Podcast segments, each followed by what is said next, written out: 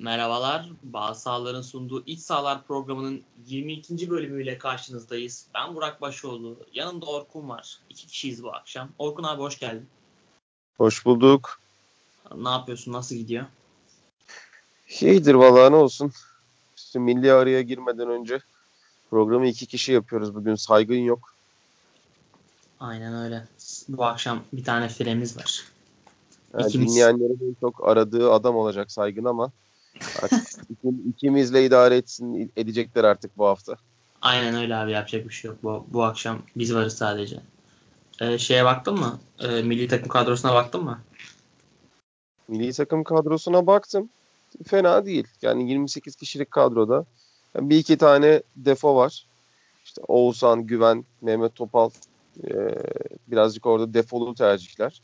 Sinan Bolat yani hiç gerek yok. Sinan Bolat şey oldu artık yani bir şekilde milli takım kadrosuna giriyor ve bizim de artık gözümüz alıştığı için bir şey demiyoruz yani. Neden olduğunu Sinan Bolat, yani Sinan Bolat kadroya yıllardır giriyor. Yani kalecinin tam oynaması zor ama hani milli takıma ne verdi? Milli takım Sinan'dan ne bekliyor?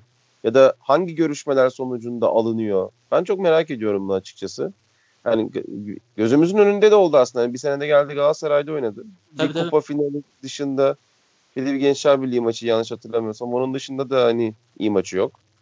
Ee, yani Gö- Serkan Kırıntılı'ya çok büyük haksızlık ediliyor burada. Yani Konya cephesi gerçekten haklı. Ee, Rizeli Gökhan Akkan'ın da e, burada düşünülmesi gerekiyordu bence. Ee, bir tek hani kalecilerde Mert ve Uğurcan tamam ama yani Muhammed desen daha Okan'ı tam kesti mi kesmedi mi? Orası biraz soru işareti. Son maçta Okan oynadı. Yani tabii ya potansiyel var mutlaka. Ee, ama Serkan'la Gökhan'ı aynı anda alıp öncelikle ben onların e, bu kadroda olması gerektiğini düşünüyordum. Şenol Güneş böyle düşünmüş. Yani 2-3 tane hata var. Yani Oğuzhan kendi takımında oynamıyordu. Milli takıma giriyor. İşte sonra Şenol Güneş de basın toplantısında söyledi.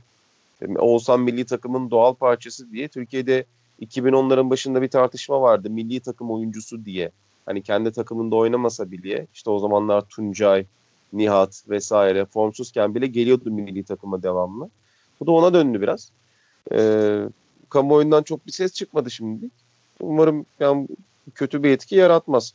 Güven Yalçın da aynı şekilde.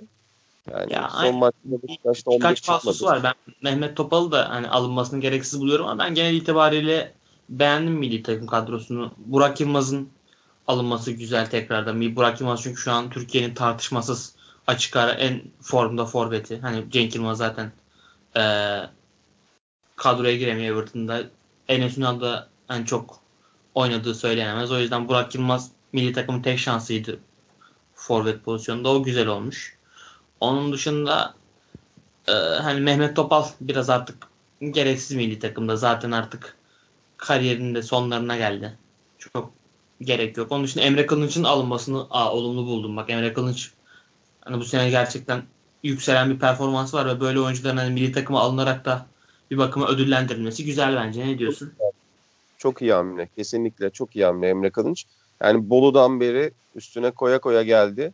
Ee, son kararlarını da fiziksel devamlılığını da geliştirdi. Yani milli takıma kesinlikle hak ediyordu. Orada adil bir karar verildi. Efecan'la birlikte ikisi çok iyi hamleler oldu milli takım için. Evet. Evet Efecan'ın da bu arada kariyer gelişimi çok özel ya. Alanya Spor'la beraber hani ikincilik, TFF ikincilikten işte birincilik, Süper Lig hepsini Alanya Spor'la beraber tırmandı. Şimdi milli takıma seçildi.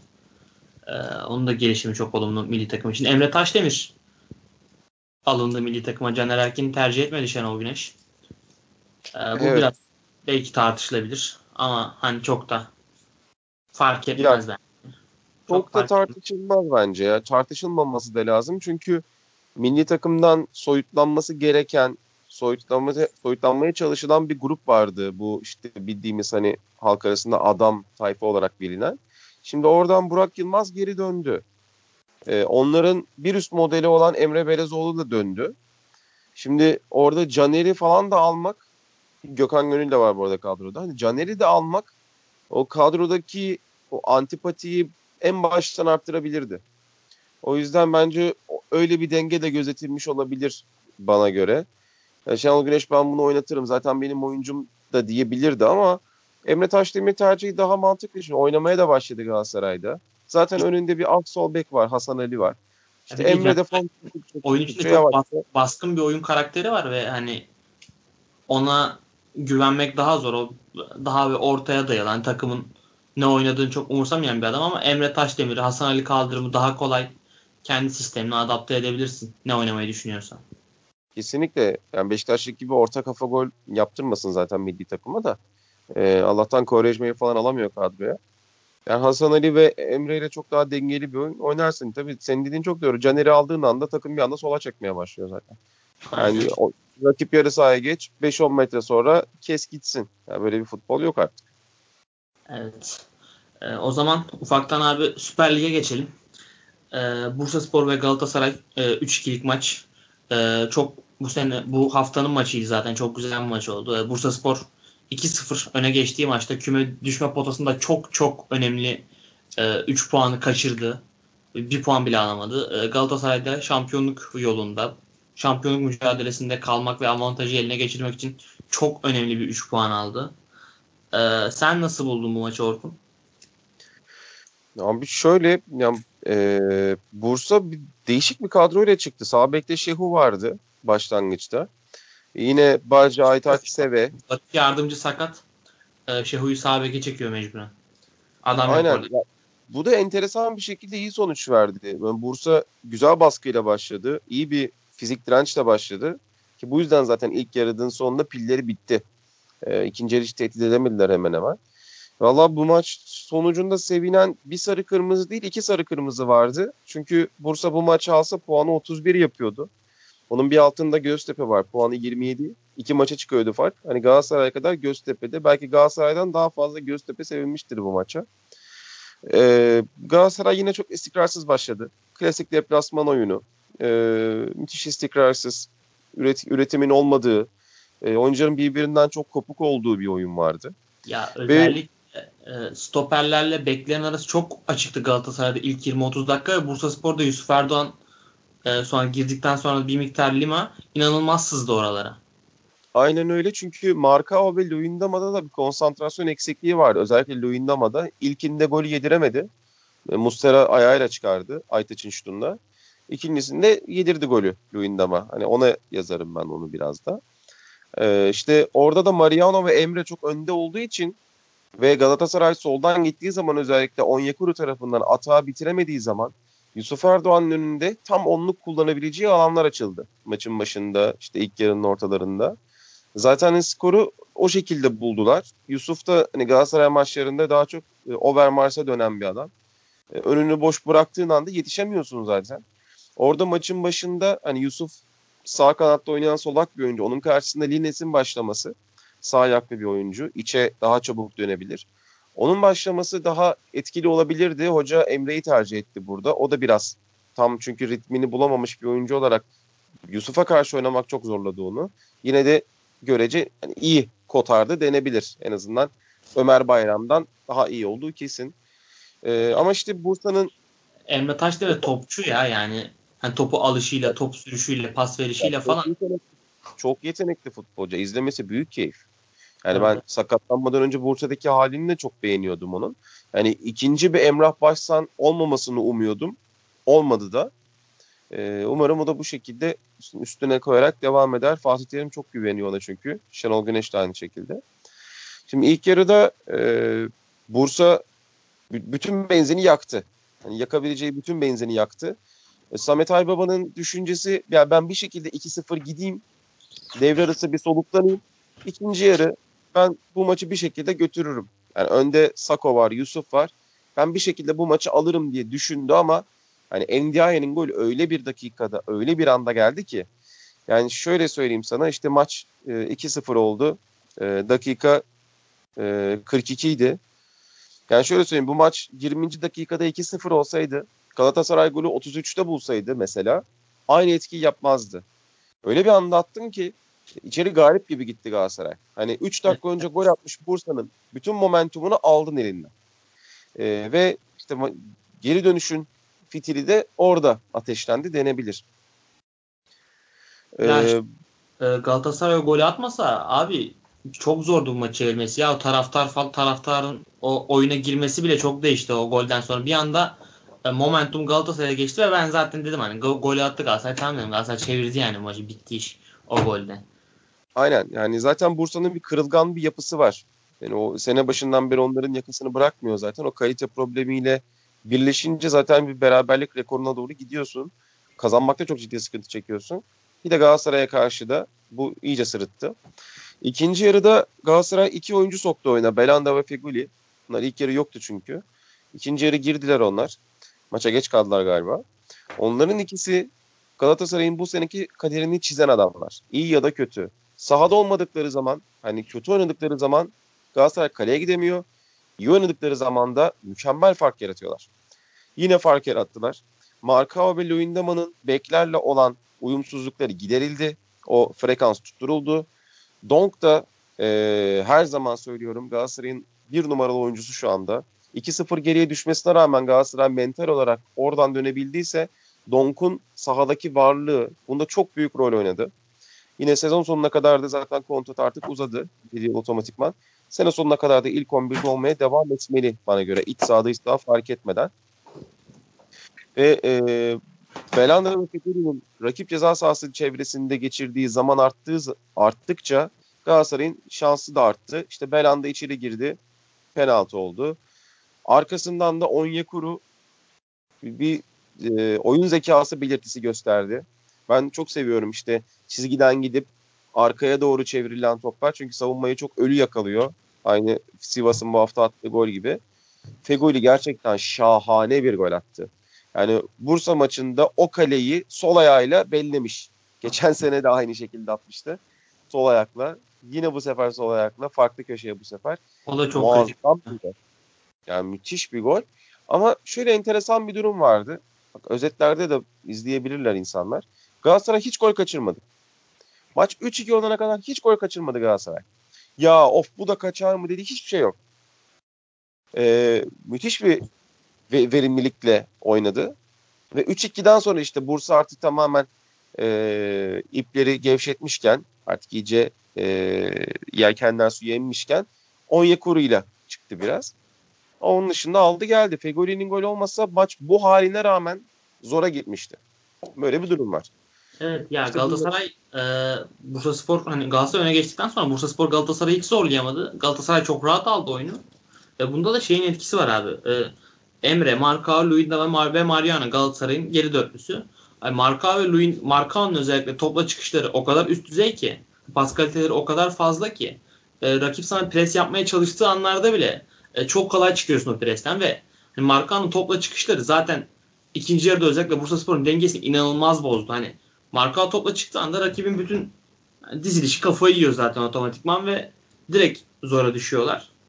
E, bu bayağı zorladı Bursa Spor'u. Ama ben Bursa Spor'un açıkçası 3-2'den sonra bir reaksiyon göstermesini beklerdim.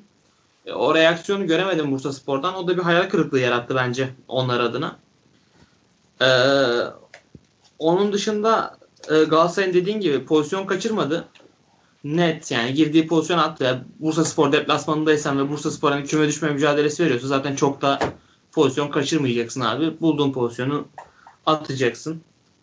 Aynen yani burada, öyle.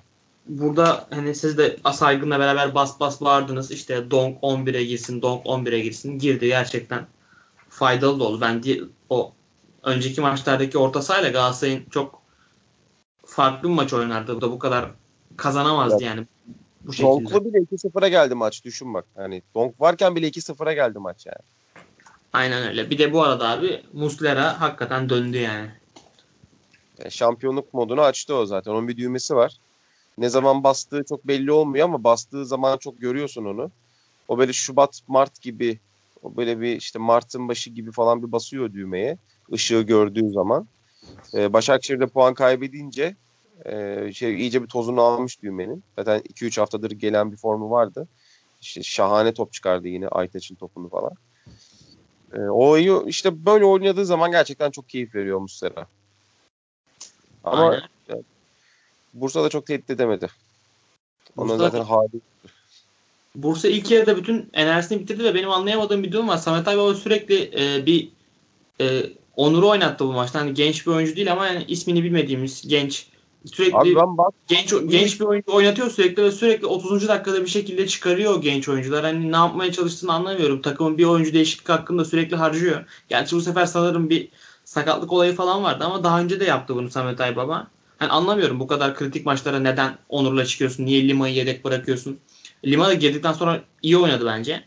Ee, bu Samet Aybaba'nın garip tercihleri var Bursa Spor'da. Abi zaten sen yani sezonun ciddi bir kısmını Umut Lato kanadıyla gitmişsin. Lato yedek. E, Lima kadro dışıydı geri döndü. E, 11 başlat o zaman. Yani ilk 11 başlayan oyuncu hazır oyuncu demektir. Yani sen 30. dakikada devamlı adamlar oyundan alıyorsan ya bunlar kafaca hazır değil. E, fizik olarak hazır değil ama sonuçta hazır değil. Ya yanlış tercih. Onur'a baktım iki maç oynamış bu sene. Şimdi Galatasaray maçında iki maç oynamış adamla çıkmak da biraz hani yürek göstergesi. O göstergede yani seni yanıltır. Yani devrim arabasının benzin ibresi gibi olur o bir yerden sonra. Yanıltır seni yani. Benzin var zannedersin yoktur tabii ki.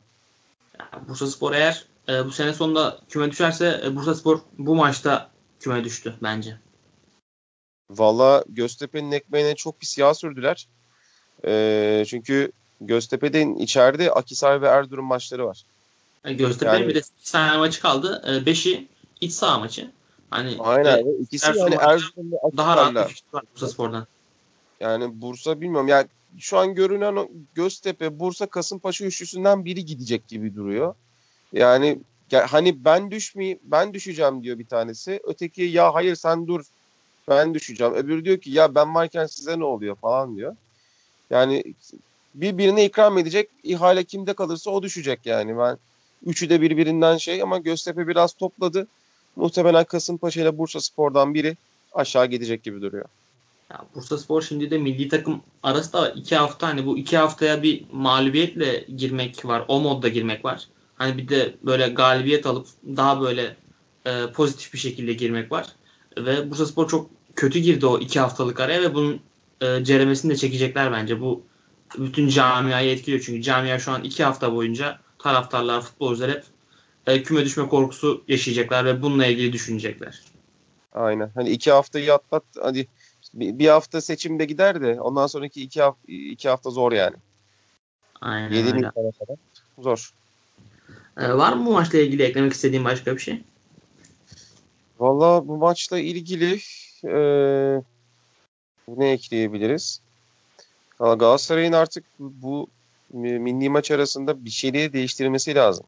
Yani ikinci yarı elektroşokla döndün ama abi yani o kalple gidemezsin. Hani bir kalp pili taktırman lazım senin milli maç arasında. Bunda hani Cagney'i biraz daha işin içine sokman lazım. Biraz daha stabil bir oyun bulman lazım. Şimdi içeride Malatya ile oynuyorsun. Tamam. Ondan sonra Kadıköy deplasmanı var. O sezonu belirleyecek zaten Galatasaray için.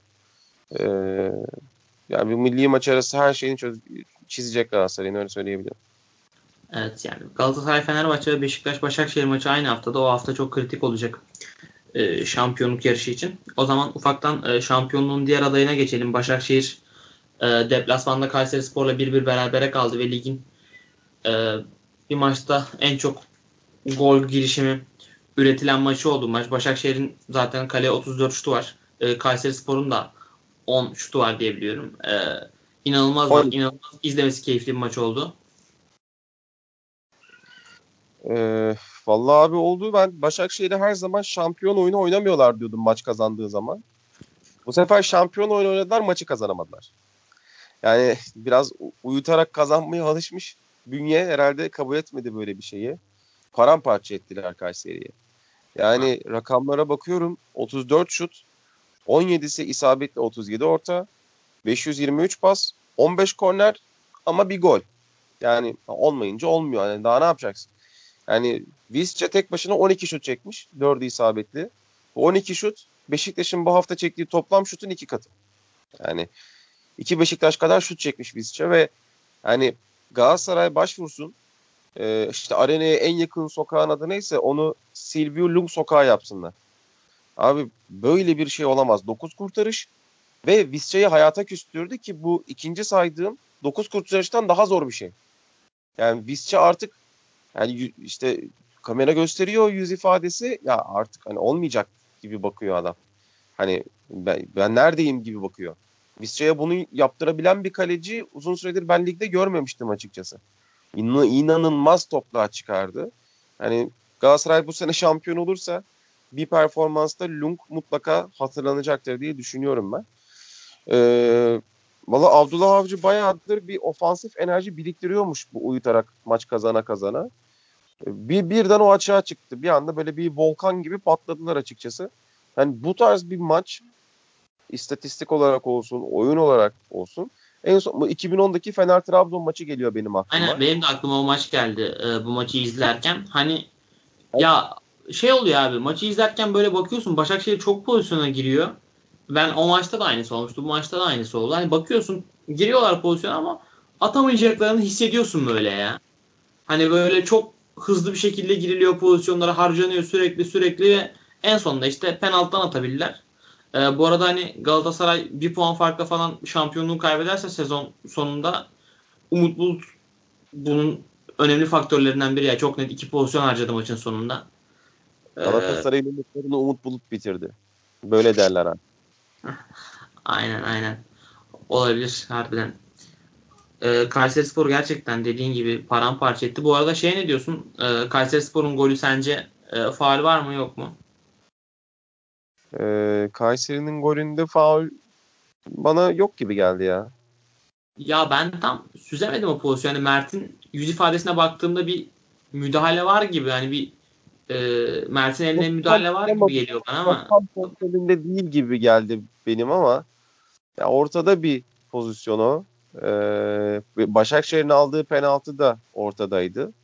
Ortadaki pozisyonları hani gol olması yönünde e, hakemler, var hakemi olsun, sahadaki hakem olsun o şekilde e, karar verdiler açıkçası. Ya biraz hani skor olsun istemişler de olabilir maçta. Ya çünkü çok çok şey bıçak sırtı pozisyon ikisi de. Yani biri neden öyle, biri neden böyle diyemem yani.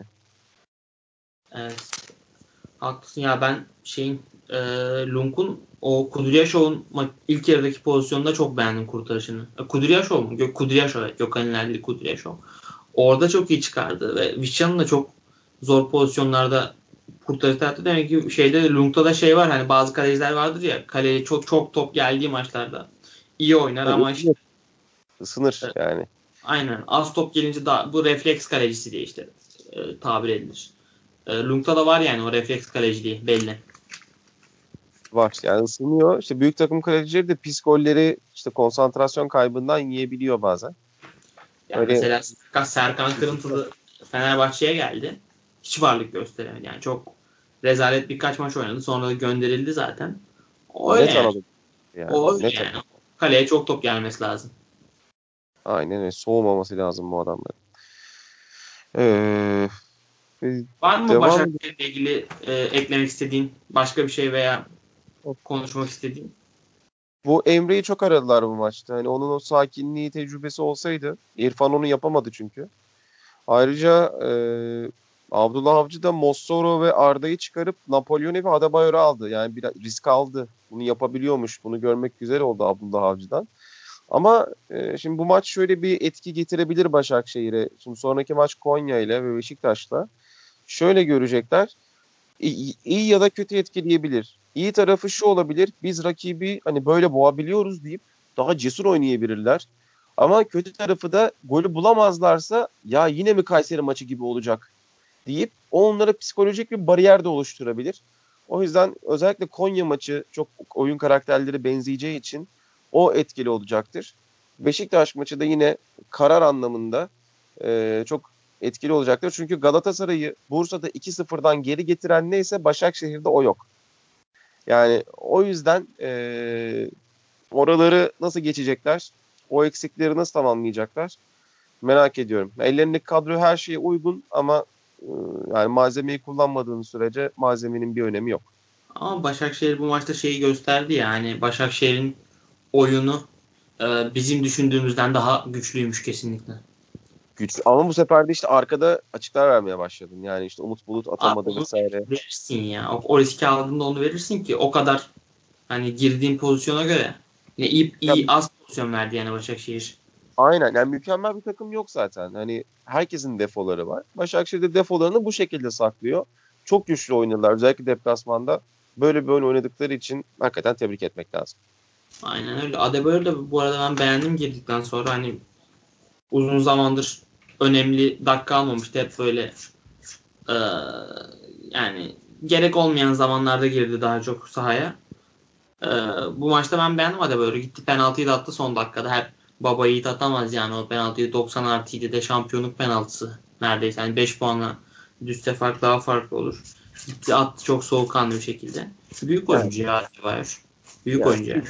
City, Madrid, Tottenham atsın bir zahmet ya. Aynen öyle.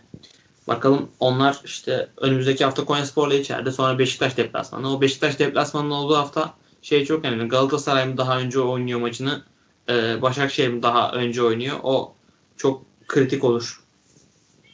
Eğer Başakşehir önce oynayıp e, maçı kazanırsa Galatasaray çok ciddi strese girer Fenerbahçe deplasmanında. Tam açıklanmadı. Ee, fikstürü şu anda tam belli değil. Yok açıklanmadı ya.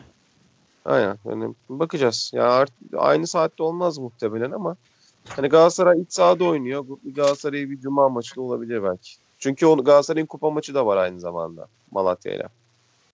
Gerçi cuma oynayamaz Galatasaray çünkü kupa maçı var o hafta sonundan önce. Galatasaray maçı pazartesiye de kalabilir. Böyle bir durum evet, olabilir. Pazartesi, Başakşehir daha önce oynar o hafta. Evet, yine Başakşehir önce oynayacak bu hafta. Yani pozitif de olabilir, negatif de olabilir. Başakşehir'in alacağı sonuca göre ama Başakşehir kazanırsa negatif. Ya içeride Konya ile oynuyorlar. Skubic ve Volkan da yok. Yok yok şey diyorum ben ya. O haftayı demiyorum. Hani o hafta zaten ikisi de kazanır büyük ihtimalle. Ben sonraki haftayı diyorum. Bursa, Beşiktaş ve Fenerbahçe maçlarının olduğu haftayı. Aynen. Onu görmek lazım.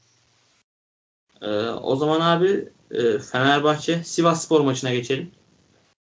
Ee, Fenerbahçe çok kötü oynadığı bir maçta e, Sivas Spor'u 2-1 mağlup etmeyi başardı. E, Fenerbahçe taraftarları belki bu seneki bu sezonki en kötü bir dakikalarını o Sivas'ın golüyle Soldado'nun golü arasındaki o bir dakikada yaşadı. Orada adeta hani takım küme düştü. Soldado attı. Tekrar çıktı. Ee, çok kritik bir maçtı Fenerbahçe için. Ne olursa olsun ne kadar kötü oynarsan oyna bu maçı kazanmak Fenerbahçe için çok önemliydi. Çok stresli bir maçtı. Ee, bir şekilde altından kalktılar. Ee, öyle abi. Sen ne diyorsun bu maçla ilgili? Abi şöyle söyleyeyim. Yani bu maçta bir ilk yarı oldu. Yani 0-0 biten Cagliari Lecce maçı bunun yanında rock konseri gibi kalırdı ya. Yani bu kadar sıkıcı, bu sene izlediğim en sıkıcı maç olabilir bu. Yani evet. sadece oynanmış olmak için oynanan bir maçtı bu. Yani pozisyon yok, şut yok, tehlike yok, buna dair bir niyet yok. Niyet olsa da onu yapacak beceri yok. Yani yok oldu yok, hiçbir şey yok. Yani, Sivas e, çok fazla faul yaptı. E, ceza sahası çevresinde özellikle ilk yarıda çok faul yaptı. E, Fenerbahçe bunlardan hiç yararlanamadı. Zayt e, iyi kullanamadı duran topları. Hani Mehmet Ekici eğer ilk 11'de başlasa e, duran toplarda daha etkili olabilirdi Fenerbahçe. Çünkü çok şans geldi duran. Çok fazla duran top şansı verdi Sivas Spor Fenerbahçe'ye. E, o yüzden hani Zayt o konuda bir eksi yazdı zaten Zayt'sa zaten. Zayt hani maç içinde de hmm, çok iyi değildi. iyi bir gününde değildi. Bir de onun performansı e, kaleye uzak oynadığında da düşüyor. Daha etkisiz görünüyor kaleden uzaklaştıkça. Zayt böyle tam oyun kurucu diyebileceğimiz bir oyuncu değil zaten. Daha fazla daha böyle e, hani gizli forvet tipi bir oyuncu. Geçen seneki Giuliano gibi daha gole yakın olmak, kaleye yakın olmak. Oralarda daha yakın hissediyor kendini. Bu çok gizli. Bunu göremiyorsun. Yani. evet. Çok gizli. Evet. Mehmet Ekici eğer Fenerbahçe hani böyle oynayacaksa e, Mehmet Ekici kesinlikle Zayt'tan e, daha doğru tercih. Zaten hani maçı da maçın kaderini de değiştiren isim Mehmet Ekici oldu. Oyuna girdikten sonra o maçın akışını o değiştirdi yani. Ama abi e, Fenerbahçe'de kesinlikle bence en büyük sıkıntı e, Sadık Şikirtel, Serdar Şikirtel, Serdar Sadık hangi ikisini yan yana oynatırsan oynat bu stoper hattıyla sen asla e, pas oyunu oynayıp oyunu kontrol altında tutamazsın. Aynen. Yani senin orada e, tercih etmen gereken şey mümkün olduğunca önce sıkı savunmak. Çünkü hani bir şeyi yarım yapmaktansa bir şeyi tam yapmak daha iyi her zaman için. Ee, Şikertel Roman şu an hala eldekilerin içinde en iyi alternatifler olarak gözüküyor bana göre. Çünkü Sadık da Serdar da tamamen o formayı alıp ya tamam biz buradaki problemleri hallederiz siz gerisine bakın diyebilecek adamlar değiller. En azından o görüntüyü vermediler. E, Sadık zaten hiç çok klasmanlı değil. Serdar da en azından şu ana kadar o görüntüyü veremedi açıkçası. Ee, Fenerbahçe'nin bence en büyük problemi görünmeyen bir problemi var. Çok fazla belli olmuyor. Çok kandırabiliyor insanları o. Tolga Arslan. Yani müthiş bir e, illüzyon. Müthiş bir illüzyon. Müthiş göz boyuyor. Oyun oynadığını zannediyorsun. iş yaptığını zannediyorsun ama ortada hiçbir şey yok aslında baktığında. Yani çark boşa dönüyor. Zincir boşa dönüyor yani. E, zincir atmış boşa dönüyor. E, ve Tolgay Zayt Fenerbahçe'nin yumuşak karnı oldu. E, Sivas'ın da zaten orta sahası bu maç özelinde iyiydi yani. İşte Hakan Endinga, Özer. Orayı çok iyi aldılar. Çok iyi kapattılar. Douglas'ın da önde değerlendirilmesi bu işte iki maçtır bu şekilde. Çok e, seri çıkabildiler. Yani tehlike yaratamadılar belki bitiremediler ama çıkabildiler yani. Sonrasında da e, Jai sonunda yedek olması benim biraz tuhafıma gitti açıkçası. Ya Ersun Yanal o konuda çok e, takıntılı davranıyor bence. Mehmet Topal'a gereksiz fazla bir güveni var. Hani Jason kesinlikle artık e, Fenerbahçe'de oynaması gereken. Çünkü Mehmet Topal hani modern oyunun gerektirdiği hiçbir şeyi karşılamıyor. Onu da geçtim. Hani stoperlerini zaten e, yanına pas atarken 40 kere düşünen adamlar. E bir de önlerine Mehmet Topal'ı koyuyorsun. E beklerin hani Hasan Ali Kaldırım, İsla zaten top tekniği yüksek isimler değil. Sen nasıl geriden top çıkarmayı düşünüyorsun ki bu beşliyle? E, aynen öyle. Yani çok büyük bir e, orada problem var çözmesi gereken Ersun Yanal'ın. E, yani, burada Tolgay Rivas yumuşak karın. Şimdi, e, Dirar'ın sağ olduğu bir oyun dizilimine kesinlikle geçmesi lazım. Çünkü bu takımda e, geriden eğer pasta oyun çıkaracaksan e, bunu üstüne yapabileceğin şu an tek isim elde kadroda Dirar. Yani başka da yani seçenek yok. Pasta çıkmasam bile, pasta çıkmasam bile e, bekleri bir anda ileri atabildiğin daha direkt bir oyunda, daha bir baskın oyununda da Dirar İzda'dan çok daha fazla katkı verir. Burada Mehmet Topal da e, ekici değiştikten sonra Zayt biraz arkaya geldi. Orada işte e, Ekici ve Zayt'la birlikte daha işte daha akış, akışkan bir oyun, görece daha akışkan bir oyun buldu Fenerbahçe.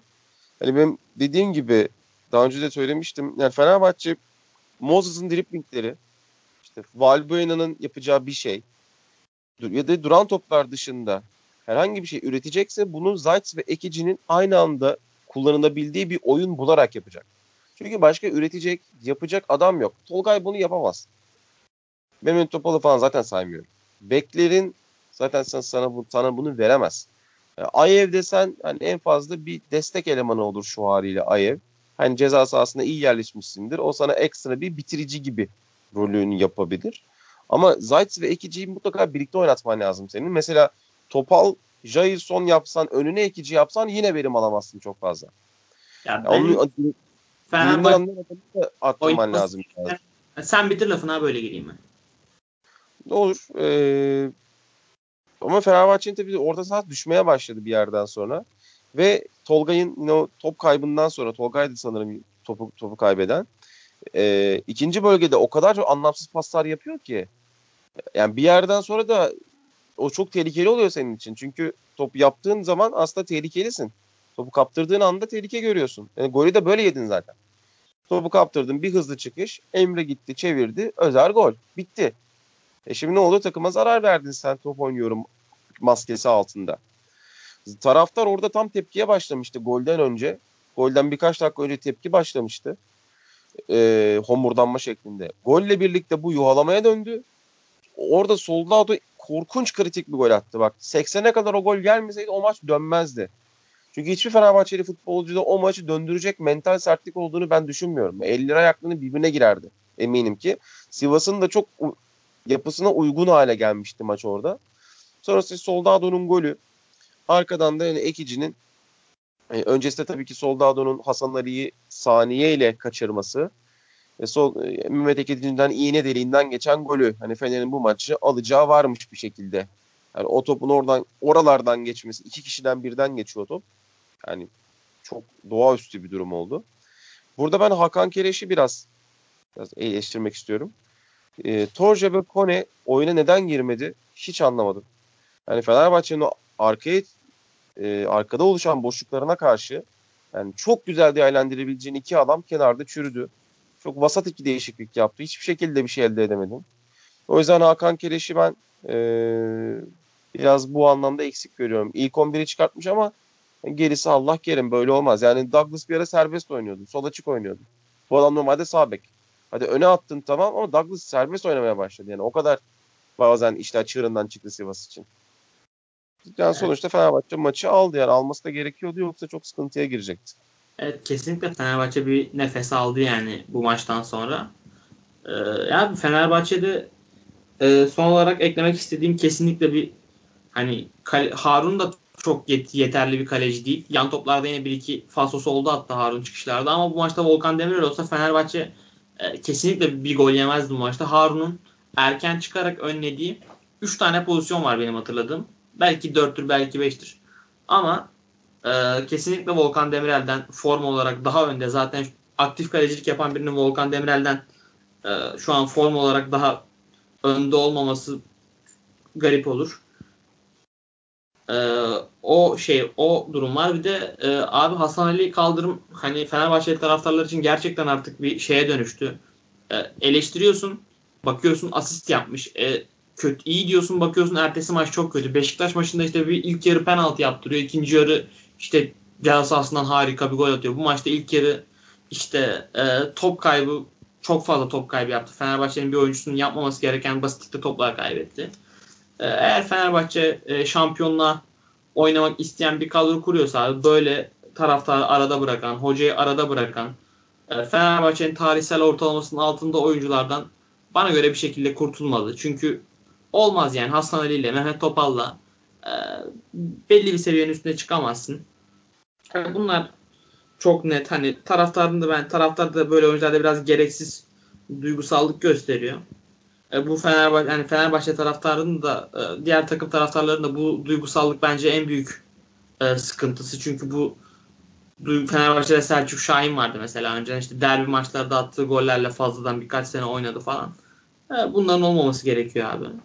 Onun dışında Fenerbahçe'nin bu haftadan sonra kesinlikle artık e, klasik Arsenal oyununu denemesi lazım. Yani daha dikine paslarla daha uzun çıkıp e, orada yaptığı presle oraya yerleşmeyi denemesi lazım Fenerbahçe ki çünkü bu takımın e, geriden top çıkarması pasla çok mümkün değil.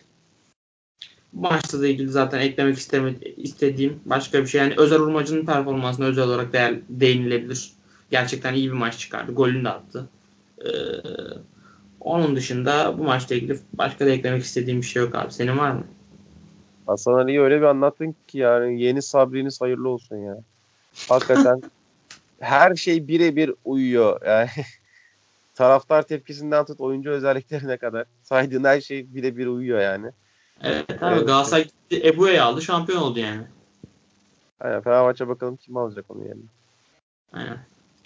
Ee, o zaman ufaktan e, Beşiktaş gösteri maçına geçelim. Beşiktaş 1-0 kazandı Burak Yılmaz'ın golüyle. Ee, isabetli tek şutunda golü buldu Beşiktaş ve en düşük gol girişimiyle tamamladığı 0-54 gol girişimiyle tamamladığı maçı e, kazanmasını başardı Beşiktaş bir şekilde. Burak Yılmaz yine e, orada maçı çözdü attığı golle.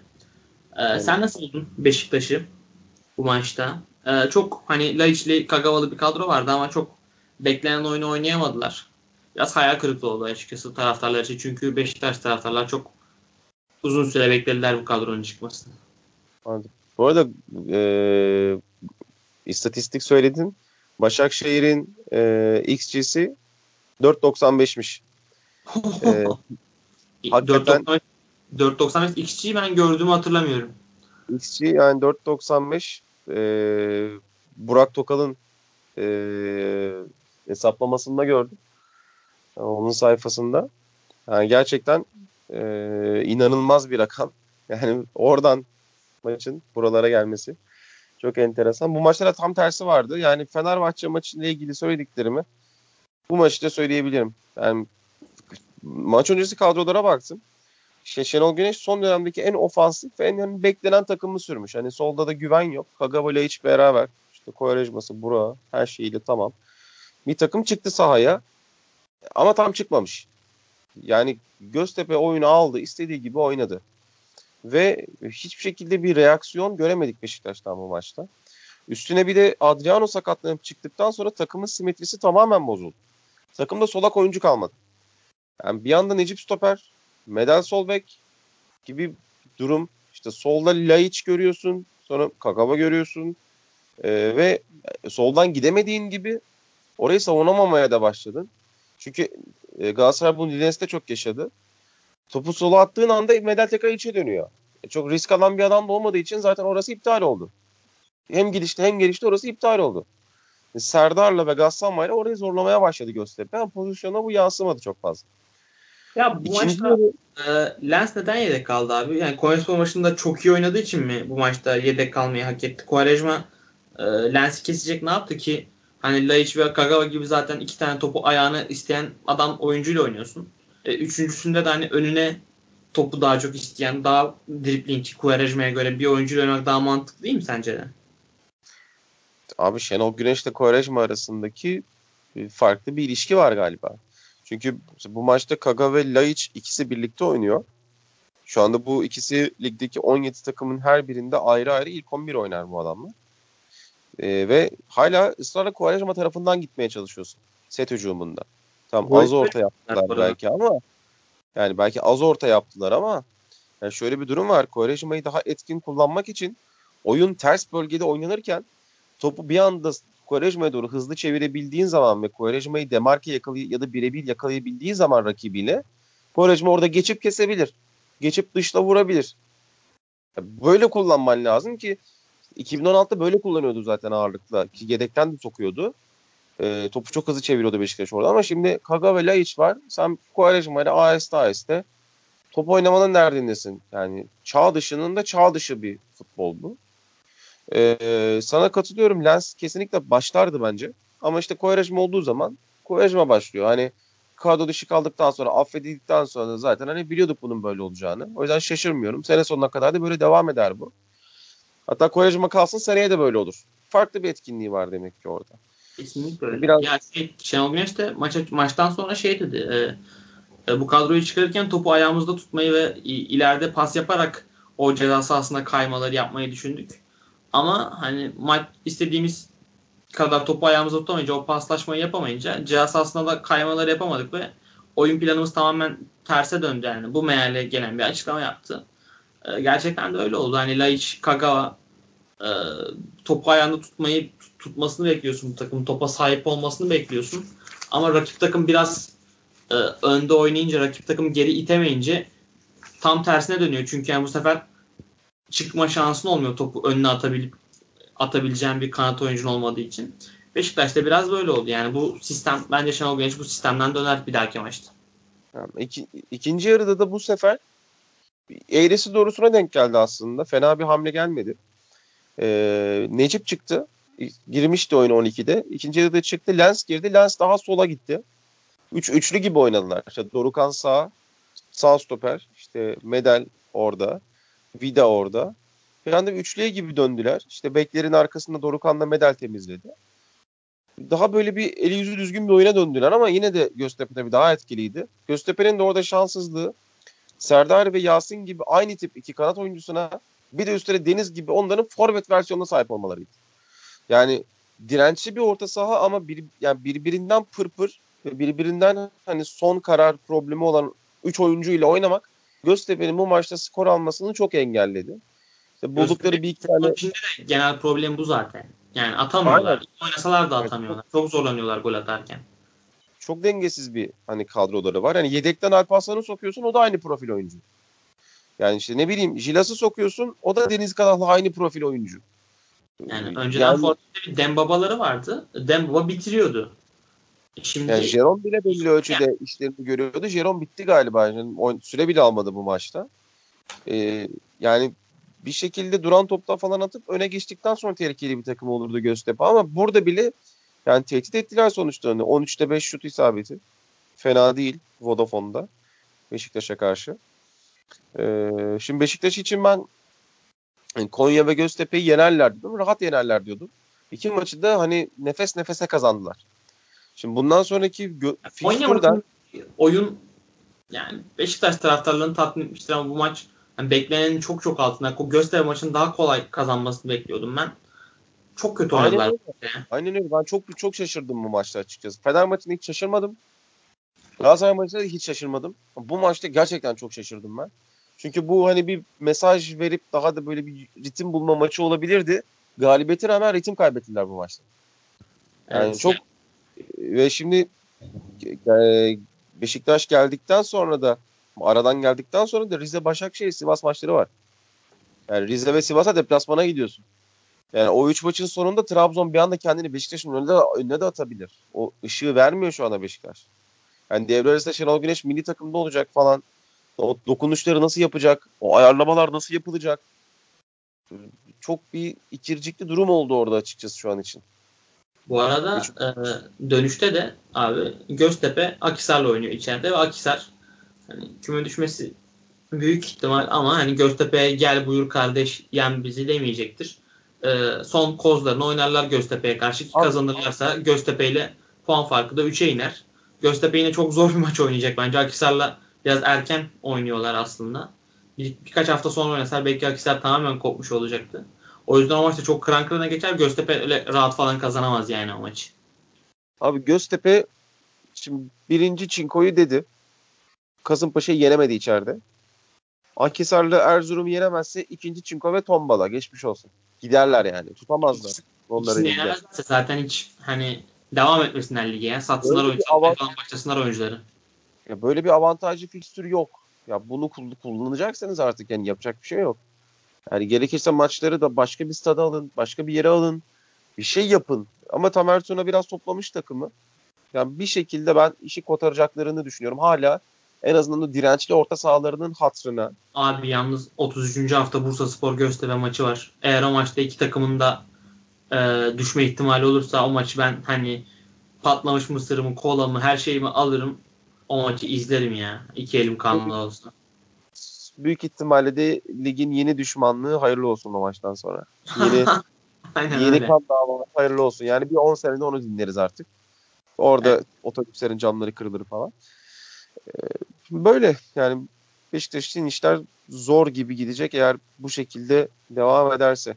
Aynen. Ama Beşiktaş konuşurken mesela Beşiktaş'ın sorunlarından bahsediyoruz daha çok. Ama e, Beşiktaş şu an ikinci yarıda puan durumuna baktığında Galatasaray'la Galatasaray ve Başakşehir'le aynı pozisyonda. 5 6 galibiyet, 2 beraberlik. E, bunun da tartışması abi tek sebebi e, Burak Yılmaz. Yani en önemli sebebi. Aslan payını ona verirsin. Adam atıyor yani. Bir tane pozisyon tek aldı gidiyor.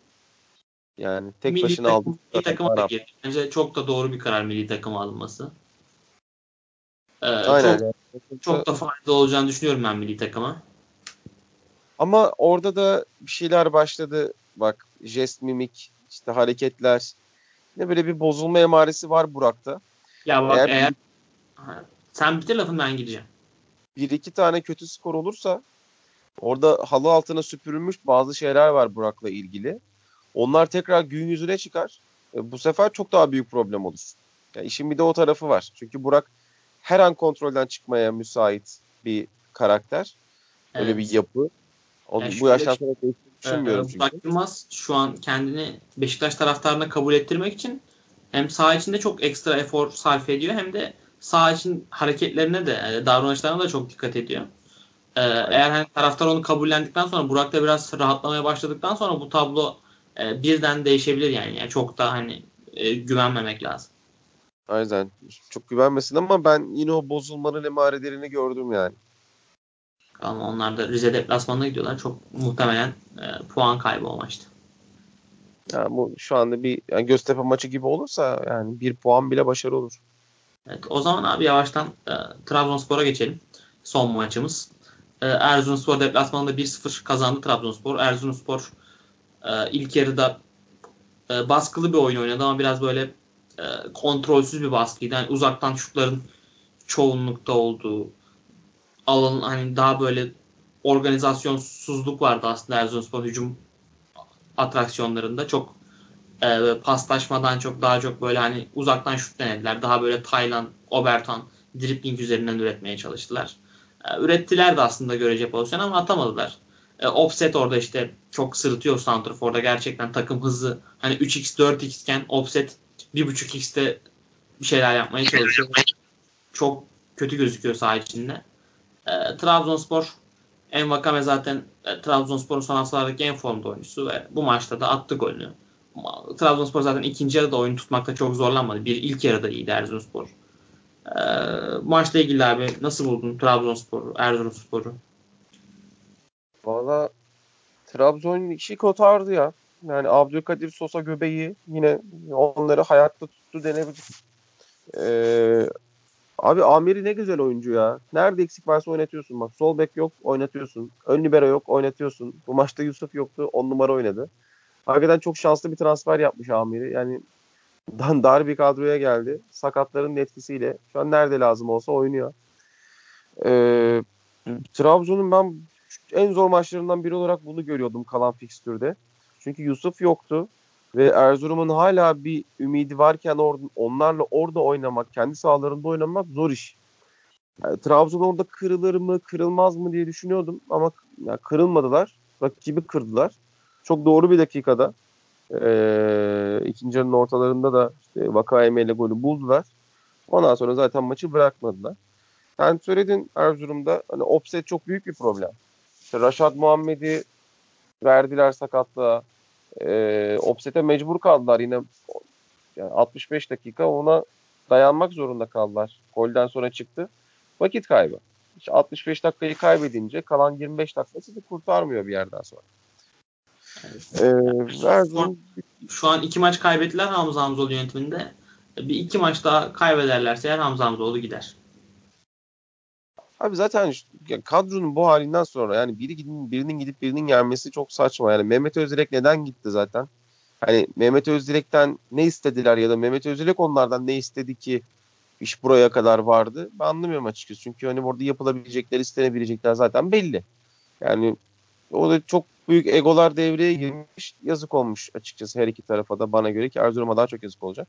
Bir de şöyle bir durum var. Erzurum bu maç yine 7'de oynanmadı. Daha erken saatte oynandı. Ee, Galatasaray maçını ısrar ettiler 7'de oynamak için Erzurum. Ve orada hani Egemen'i ve Raşad'ı kaybettiler o soğukta. Şimdi Egemen olsaydı ben inanıyorum ki bu maçta o e, Karsup çok büyük hata yaptı Baka Emir'in golünde. Çok tepkisiz kaldı. Ben eminim ki o golü yemezdi. Yedirmezdi Egemen o golü. Geçen hafta da aynı şekilde. Yine geçen hafta da bir hata olmuştu. Orada da mesela ben Egemen'i çok aradıklarını düşünüyorum. Yani Erzurum biraz e, fazla inadının bedelini ödüyor denebilir. Raşad'ı da çünkü Galatasaray maçta kurban vermişlerdi. Şu maçta Raşad olsa farklı olabilirdi. Yani Hosseini Hüseyin tandemine karşı sağ bekli Tuğre'yken oraları çok zorluyor çünkü. Stoper bek arasında iyi koşu yapıyor.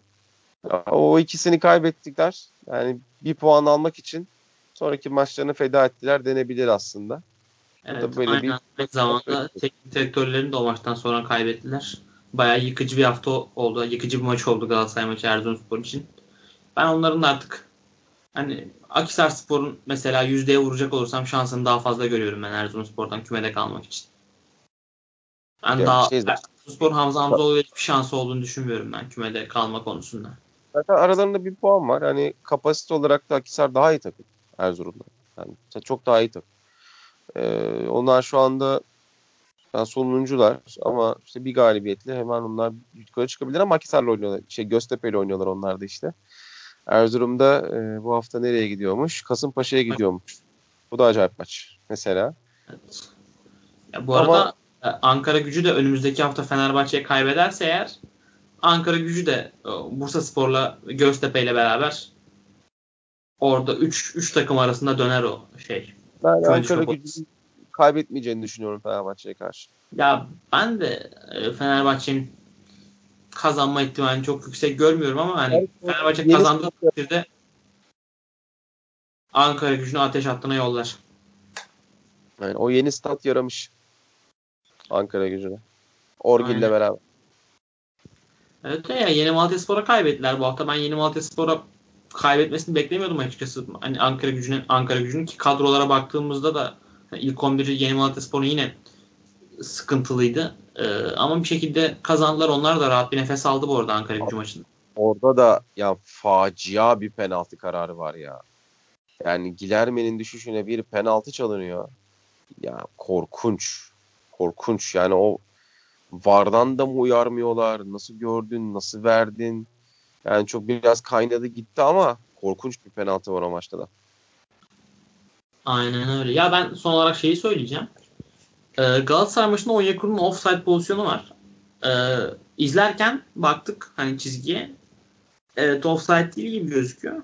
Ama sonra abi şeyi fark ettim. Yani çok da konuşuldu zaten. Ee, çizgiyi topa topun ayaktan çıkma anında çizmiyorlar. Ee, bu pozisyonda sıkıntı var. Ya şöyle bir sıkıntı var. Ee, ya e, VAR sistemindeki hakemler kendi hatasını fark etti ve bir şart kurnazlığı yapıp çizgiyi ona göre çektiler. O pozisyonda çekmek istediler. Ya da sistemde bir sıkıntı var. İkisi de facia. Onu sonra açıkladılar. Ee, çok hafif farklı offside olmadığını söylediler. Yani federasyondan gelen açıklama bu şekilde. Yani çizgi neye göre çekiyorlar? Bizim hakemlerimiz zaten neye göre maçı yönetiyorlar? E, hiç bilmiyorum. Erman Toroğlu'nun Piero ile ilgili zamanda dedikleri de hep benim aklımdadır.